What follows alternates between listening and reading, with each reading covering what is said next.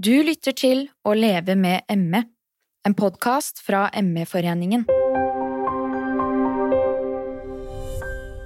ME er en sykdom som rammer flere tusen mennesker på forskjellige vis, og forskere vet fortsatt ikke nok om sykdommen. I denne podkasten vil ME-foreningen gi nyttig informasjon om ME, både for deg som har ME, eller for deg som er interessert i å vite mer. ME står for myalgisk encefalomyelitt, men hva er egentlig ME? I denne første episoden av Å leve med ME skal vi snakke med Tom Erik, som er pårørende. Velkommen så mye til deg, Tom Erik. Tusen takk. Du har engasjert deg sterkt i ME-tematikken. Kan du fortelle litt om hvorfor du gjør det? Ja, det, Jeg har en kone som har ME, og vil jo at uh, hjelpe, hjelpe, til. Altså, vi skal få mer penger til forskning, og at hun på sikt kan bli frisk. Mm. Så det viktig sak for meg og familien min. Eh, kan du fortelle litt om hvordan det hele starta?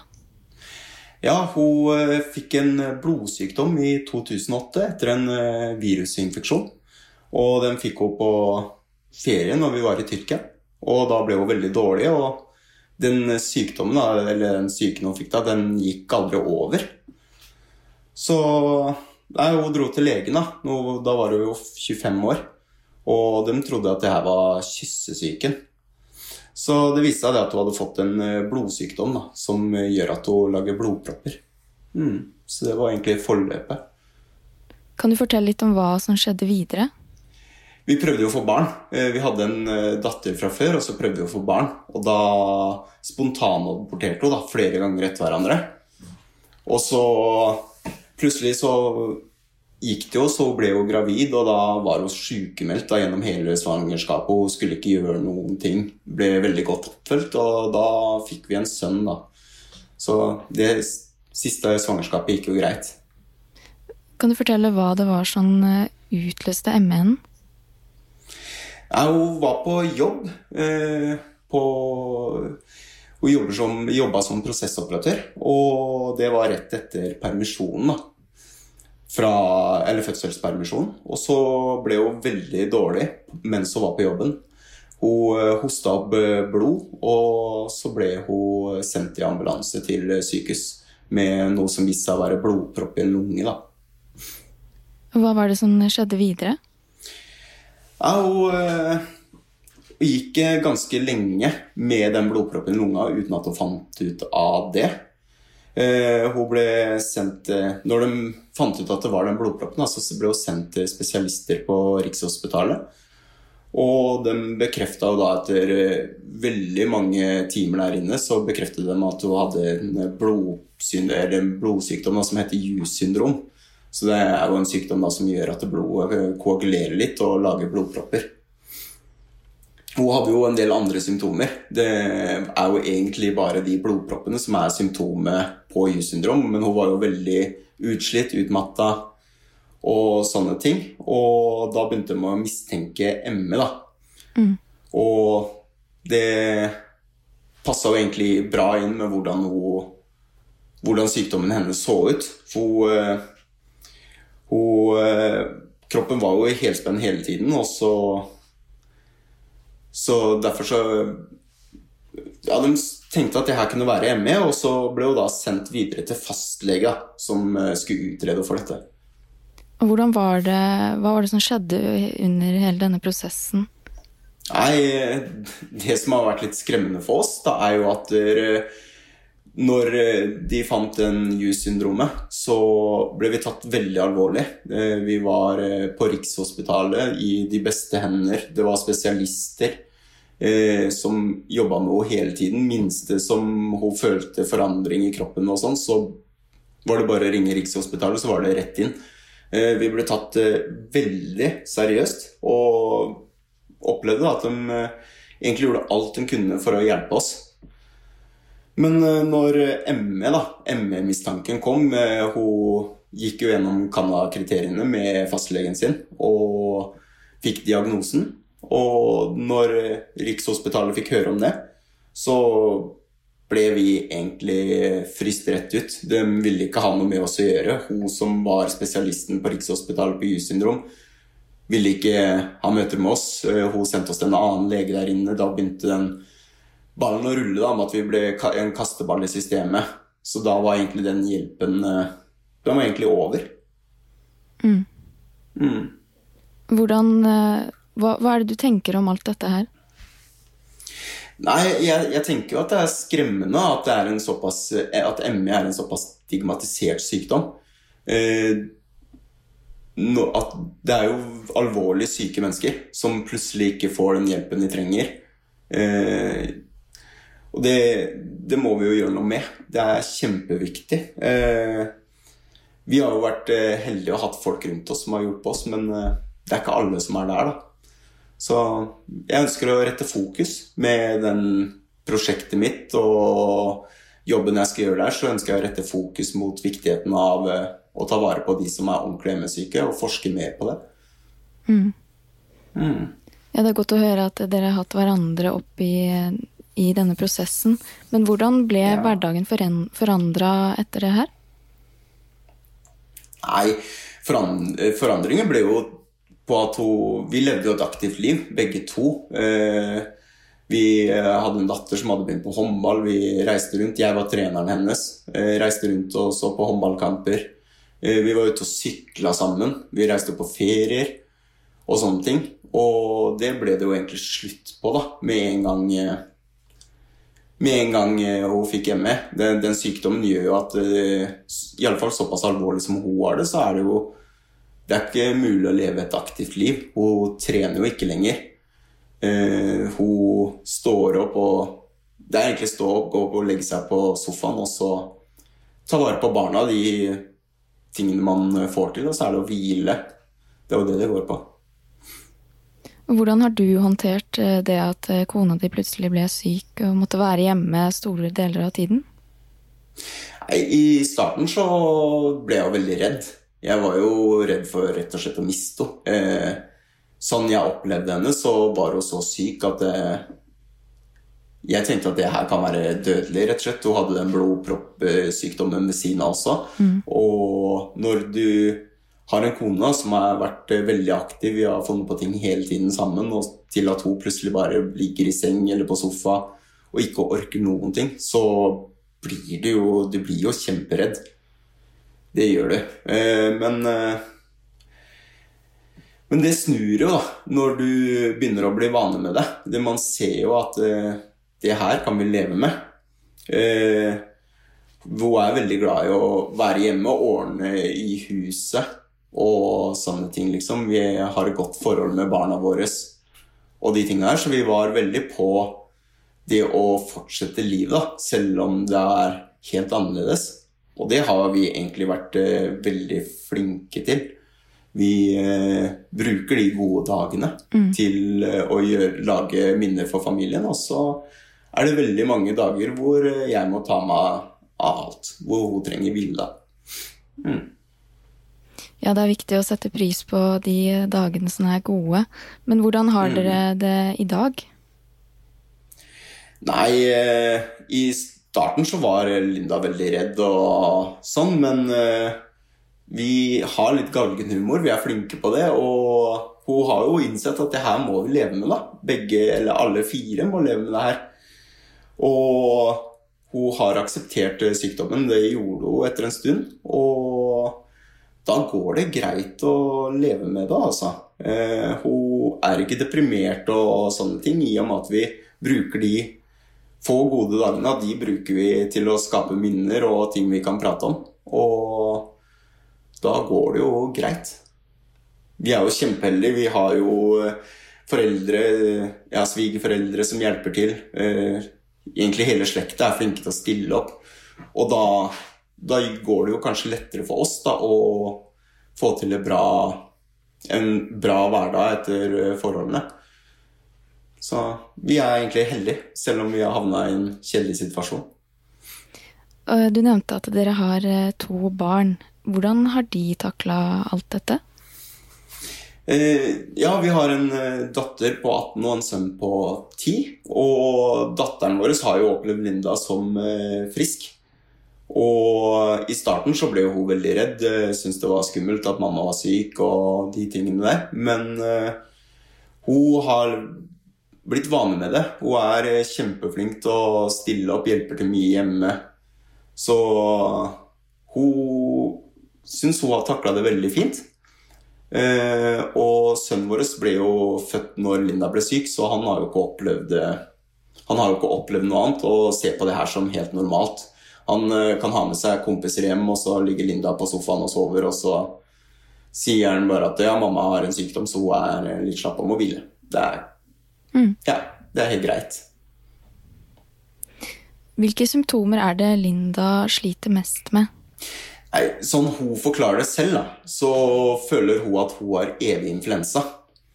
Eh, ja, hun sier at hun har eh, løpt eh, maraton når hun er fyllesyk og har influensa på toppen av det. Eh, som hun sier, så er det feil å si at hun er utmatta, eh, men at eh, det er eh, en total utmattelse hun opplever. Hun er helt eh, død, og noen dager så klarer hun ikke å stå på beina og er kvalm og svimmel. Og så får hun feber og hovne lymfekjertler. Det er egentlig det som er de store symptomene hennes. da. Eh, ja, hun merker det fysisk, som du forteller. Men merker hun det kognitivt også? Ja, hun gjør jo det. Hun, alt blir jo egentlig bare en stor røre. Hun uh, kan uh, gå for å hente seg et glass med vann, da. og så går hun på kjøkkenet, og så kommer hun tilbake med tom kopp igjen. Så glemte å fylle den, liksom, og husker ikke helt hvorfor hun gikk ut. og så roter hun bort ting. da. Hun er ja, hun er egentlig ganske For meg oppleves det jo som at hun er veldig distré. Men eh, ja, hun glemmer ting hele tiden, da. Men hvordan er det med sånne hverdagsting som vi andre kanskje kan ta litt for gitt? Sånn som det her å se på film og lese bok og ja, sånne ting? Før så leste hun veldig mye bøker. Eh, og det blir lite lesing nå. Hun prøver jo innimellom, men det blir litt sånn å lese en side ti ganger, da. Glemme hva hun har lest, eh, faller ut og de tinga der. Men eh, vi ser en del film sammen, og serier kan vi se på. Men nå, ja, hun faller jo ut litt, men eh, det er jo en fin måte å få litt input da, når man er veldig liggende på en sofa eller i en seng. Så er det jo veldig fint å ha serier å følge med på, eller filmer å se, da. Mm. Åssen er det med lys og lydfølsomhet? Eh, lys sier hun at går fint. Eh, lyder er eh, hun veldig ømfintlig på, da. Eh, vi begge barna våre spiller jo nå håndball, og når vi reiser og ser en kamp og hun kan være med på det, så må hun ha propper i øra for å kunne være med på den kampen. da. Og det er jo egentlig sånn hvor høyere lyd, hvor flere mennesker er i en hall, eh, hvor verre oppleves det på henne.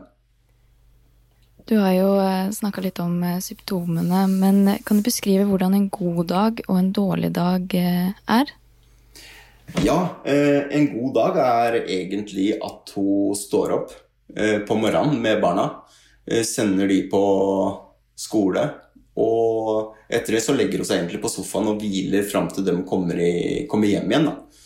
Og når de kommer hjem, så kan hun hjelpe minsten med lekser og kanskje lage middag. Så er det egentlig bare å hvile til kvelden kommer. Er hun heldig, da, så kan hun være med på en håndballtrening og se den, eller eh, at vi ser en håndballkamp den dagen.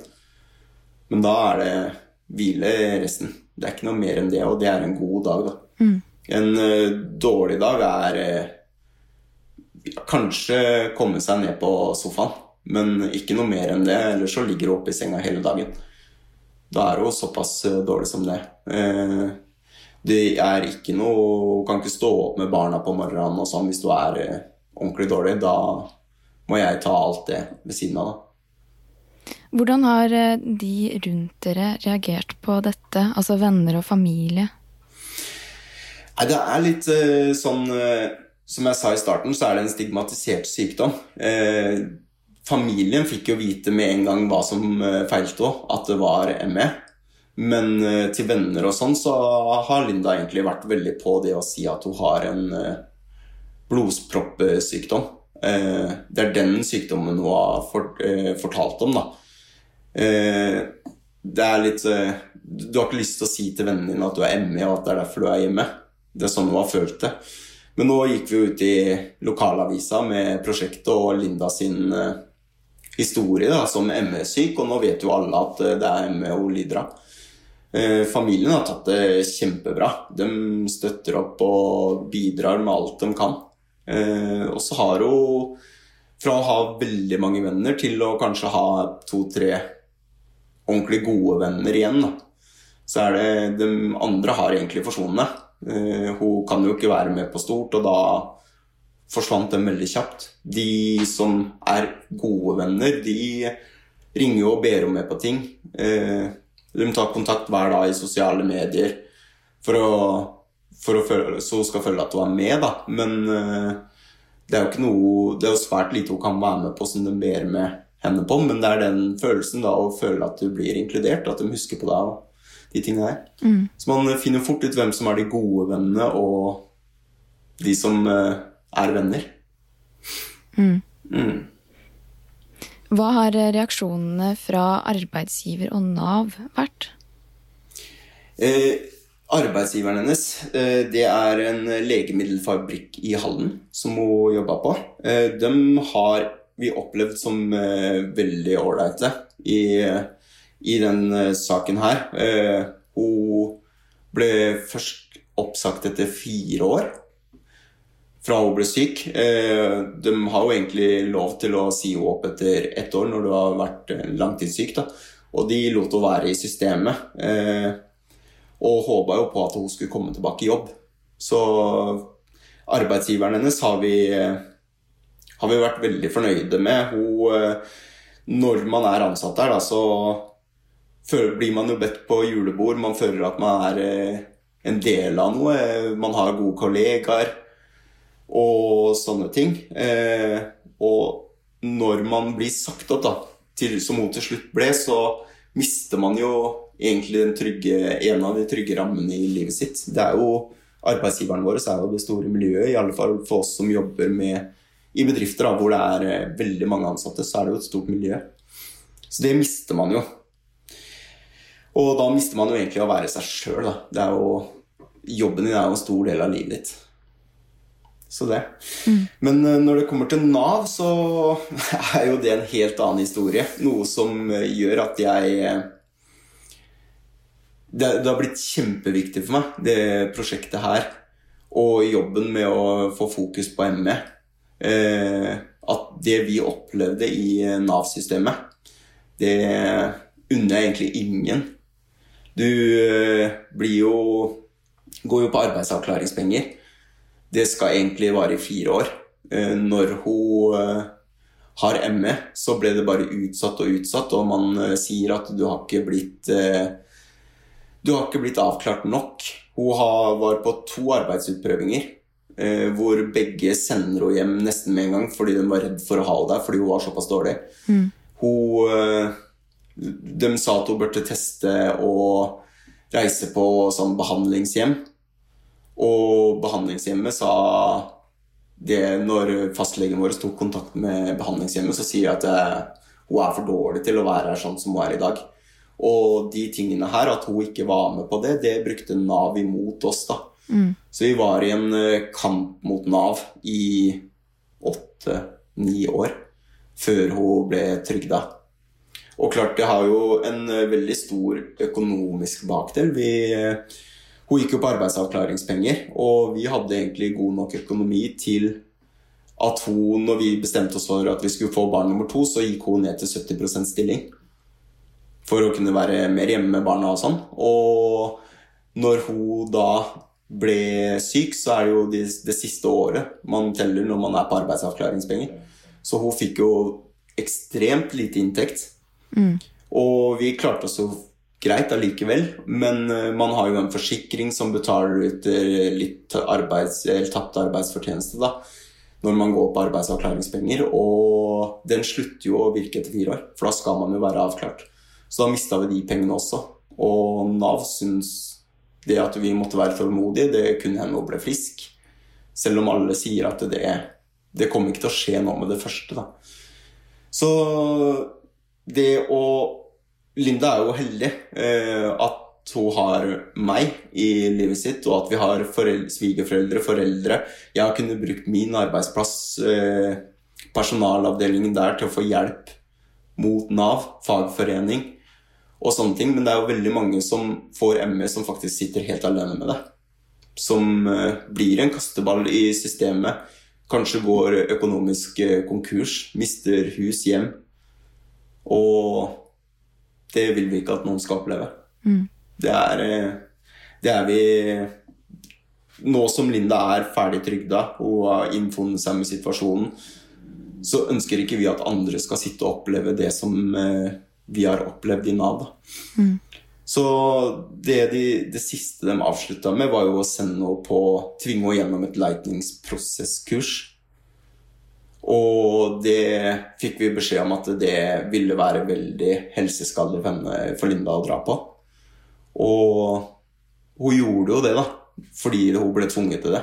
Og det vi opplevde der, var jo en eh, type propaganda som skulle få deg til å føle deg frisk, selv om du var så syk. Så du Jeg var jo med henne, vi, tok det kurset i Oslo. Hun var jo helt ekstremt syk når hun kom når jeg henta henne på det kurset. Etter endt kursdag, så hun var så syk så det ligna ingenting. Og det gikk, eh, det gikk faktisk flere måneder før hun i hele tatt hadde en det vi kaller en god dag. Det var bare dårlige dager fram til Eller i alle fall et par måneder. Så ja, nei, det er, det er sånne ting jeg ønsker å sette fokus på. Jeg ønsker at det, her ikke skal skje med flere. Det har skjedd med fryktelig mange. Nå øh, vet folk hvem jeg er, hva jeg driver med. Og jeg har fått veldig mye tilbakemelding på folk som kjenner seg igjen i Linda og min sin situasjon. Da. Og vi håper at det stopper nå. Du nevnte jo det at eh, dere begge to eh, liker å være aktive. Hvordan har eh, ME påvirka treningen? Eh, nei, for hennes del så gikk det jo på at vi sykla Vi sykla en del før, sammen. Eh, skulle sykle noen sykkelritt, så vi kunne fint sykle fire-fem mils tur hver dag. da. Og eh, nå er treningshverdagen hennes at hun går eh, tur med hunden ca. 100 meter.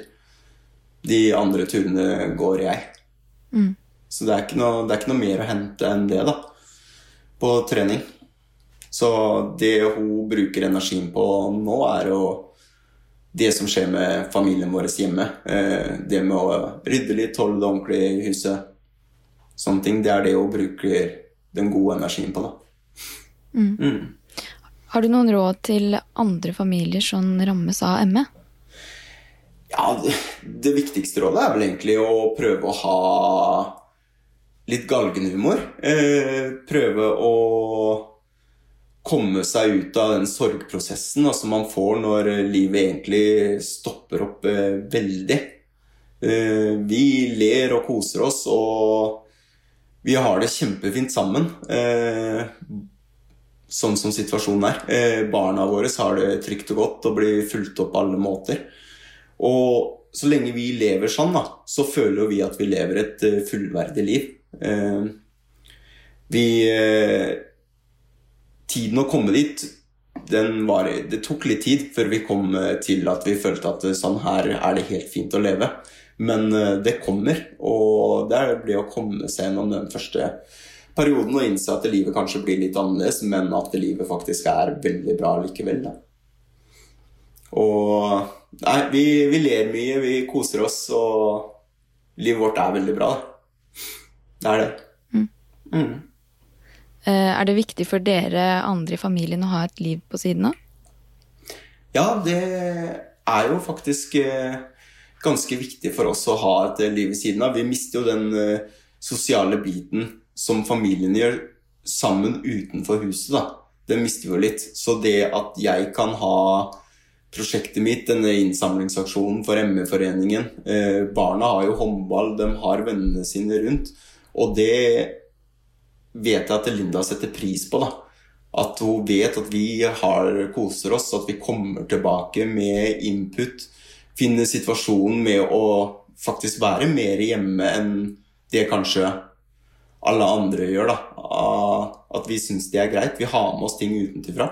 Og så er det jo litt sånn at hvis jeg og Linda skal bare ligge på sofaen ved siden av hverandre hele livet, så har vi jo til slutt ikke noe å snakke om. Mm. Så det at jeg har ting utenfor, ta med meg det hjem, så har jo jeg noe jeg kan snakke med Linda om. Det prosjektet her er, det er jo ikke bare mitt prosjekt, det er jo mitt og Linda sitt prosjekt.